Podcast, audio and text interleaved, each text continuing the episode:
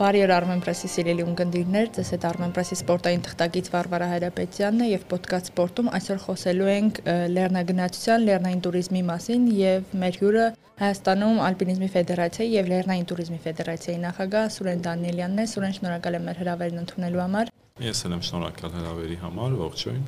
Սուրեն Հայաստանն այն բացառիկ երկրներից է, որ իջնելով լեռներից մնում ես լեռներում եւ Հայաստանում նոր-նոր է մեծ թափ հավաքում լեռնային туриզմը որպես այդպեսին, հա։ Ինչ աշխատանք է տանում այդ ուղությամբ ֆեդերացիան, ինչ շեշտադրումներ ունի արած եւ երկրում առավել մասականացնելու համար ինչ աշխատանք եք տանում։ Ֆեդերացիան 10 տարեկան է լրացել այս տարի, Եվ 10 տարվա ընթացքում փորձել ենք համակարգել այն աշխատանքները, որոնք վերաբերվում են լեռնային туриզմին։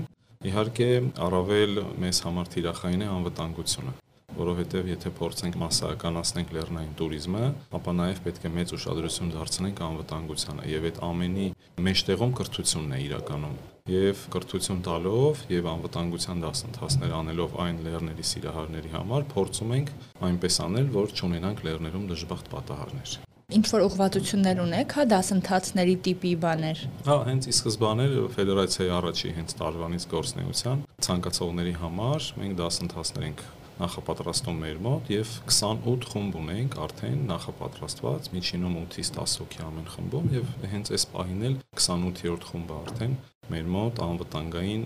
դասընթացներ է անցնում, որի ի վերջո վերջնաարդյունքը անվտանգ լեռներն են։ Հայկական լեռները մենք կարծում ենք պետք է անվտանգ լինեն մեր լեռնագնացների համար։ Սուրեն, իսկ տարիքային ինչ որ սահմանափակում ունեք կամ ինչ որ տարիքի երիտասարդներ կամ տարեցներ ունեք, որոնք առավել ակտիվ են։ Չէ, կարծում եմ, մենք մանկապատանեկան туриզմին էլ ենք մեծ ուշադրություն արդեն դարձնում, արդեն 5 տարի է, եւ իրականում 7-ից մինչեւ 70 տարեկան լեռնագնացներ ունենք մեր շարքերում, ամեն մի տարիքի համար համապատասխան պատրաստություն եւ լեռներ իրականում կան, հա, Հայաստանում։ Այդ առումով մենք բավականին բաց ենք։ Արդյոք դուք արդեն սկսել եք աշխատանքը, որ սովորական տուրիստներին, ովքեր գալիս են Հայաստան տեսնելու տեսարժան վայրերը, նաև հասանելի դարձնել լեռնային туриզմը։ Իրականում հա շատ կարևոր հարց եք բարձրացնում, տեսեք Իրանի եւ Ռուսաստանցի զբոսաշրջիկների համար որոնք առավել շատ են, հա, որպես զբոսաշրջիկ, հա, Հայաստանում գալիս, մենք շատ լավ հարաբերություններ ունենք իրենց ֆեդերացիաների հետ, հուշագրեր ունենք ստորագրած, եւ իրականում մոտ 80%-ը գալացողների, հա, մոտեկանում են մեզ, որպիսի ճշտել անվտանգ ուղիները, երթուղիները, գիդերի հարցը փորձեն հասկանան, եղանակային պայմաններ, լեռների հասանելիությունը եւ այդ առումով եւս ունենք լավ արդյունք, որ զբոսաշրջային, այսպես ասած, հա, միջավայրում բավականին անվտանգ են լեռները։ Հայկական լեռները շատ խորթավոր եւ անփոխանցելի գեղեցկություն ունեն, դրա մասին խոսվել է երկար տարիներ։ Ինչ անել, ինչպես անել, որ տուրիստը, որ գալիս է Հայաստան, տեսնի այդ գեղեցկությունը եւ սիրահարվի ինչու՞ չէ մեր լեռներին։ Դա սոցցանցերը անում են մեր փոխարեն եւ դրանում իհարկե մեծ է այդ դերը եւ մեր լեռնագնացները լինելով մեր հայկական լեռներով, տարածելով այդ սքանչելի նկարները, իրանց էմոցիաները, պատկերները, վիդեոները եւ նաեւ հասանելի դարձնելով երթուղիները, տենց ցանցեր կան, որոնք բոլորի համար հասանելի են եւ դու կարող ես ցանկացած խմբի ակումբի երթուղով անցնես իրենց իսկ նախանշված երթուղիով եւ այդ ամենը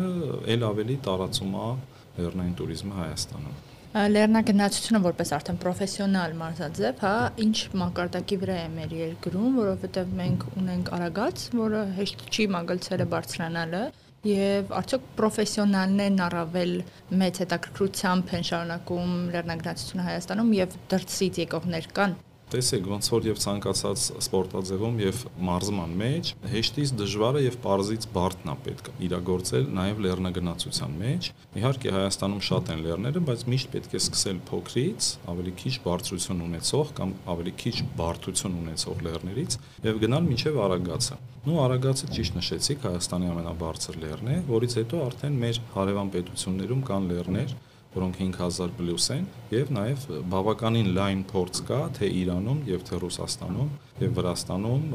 ֆեդերացիայի անդամներից եւ ոչ միայն նաեւ այդ լեռներում են եղել խոսքը Կազբեկ, Էլբրուս, Դամավան, Սաբալան այդ լեռների մասին է ինչպես անել կամ ինչպես ներգրավել երիտասարդներին, ովքեր, այսպես ասած, տանն են եւ չգիտեմ, որ Հայաստանում կա աշխարհի գեղեցկագույն լեռներից որևէ մեկը եւ ուզում են պետք է եւ ուզում են պետք է դուրս գան իրենց կոմֆորտ զոնայից, հանուն ինչի պիտի դուրս գան, այսպես ասած։ Ահա, նո լեռնագնացությունը բազմաշերտ լավ դրական ազդեցություն է թողում մարդու վրա եւ մենք դպրոցից ենք սկսել եւ նաեւ սկսել ենք կարծրատիպեր կոտրելուց ծնողների մոտ, որովհետեւ փոքրերի մոտ կա այդ խնդիրը, որ ծնողը վախենում է, չի թողում նույնիսկ դպրոցական, ճամբարային ծրագրերին մասնակցել, մտածելով, որ դա վտանգավոր է, հա, եւ մենք այդ կարծրատիպերը փոխելով նաեւ երիտասարդության շրջանում ցույց տալով, որ լեռնագնացությունը անվտանգ է, սիրուն է եւ օգտակար է, այդ առումով եւս ունենք մեծ հաջողություններ եւ ինձ թվում է դա է լավ ստիմուլ է երիտասարդության համար լինել լեռներում, որովհետեւ դու տենց շատ ավելի լավ ես ճանաչում քո երկիրը, ընկերանում ես եւ լավ միջավայր ես ունենում, առողջ ես լինում թե ֆիզիկապես եւ թե հոգեպես։ Ունենք, այսպես ասած, ճակերտավոր սիրելի լեռներ, որոնք ամենաշատն են, հա, այցելվում։ Նո էլի կարանք ասենք սոցցանցերի դերի մասին, եթե մի խմբին կամ մի լեռնագնացին ստացվում է այնպես կադրեր որսալ, որոնք շատ-շատ սքանչելի են եւ ապշեսնում են որևէ գագաթից, որևէ լեռից, ապա մենք կարող ենք նկատել, որ հա այդ ամսվա շրջանում ենթադրենք խոստուփը տրենդի մեջ է, հա, եւ բոլորը ուզում են խոստուփ բարձրանալ։ Հետո որևէ խումբ բարձրանում աշդահակ, եւ եւս որոշակի կադրեր է շատ հրաշալի որսում եւ էմոցիաներով կիսվում եւ բոլորը այդ պահին ուզում են բարձրանալ աշտահակ։ Դա ված չի, իրականում լավա որ լեռնային տես տրենդ կարա լինի, բայց իրականում վերադառնում ենք ելի այն իմ հարցին, որ բարձից բարդ եւ հեշտից դժվար պետք է լինի լեռնագնացությունը, այլ ոչ թե տրենդային կամ մոդայիկ։ Արդյոք հիմա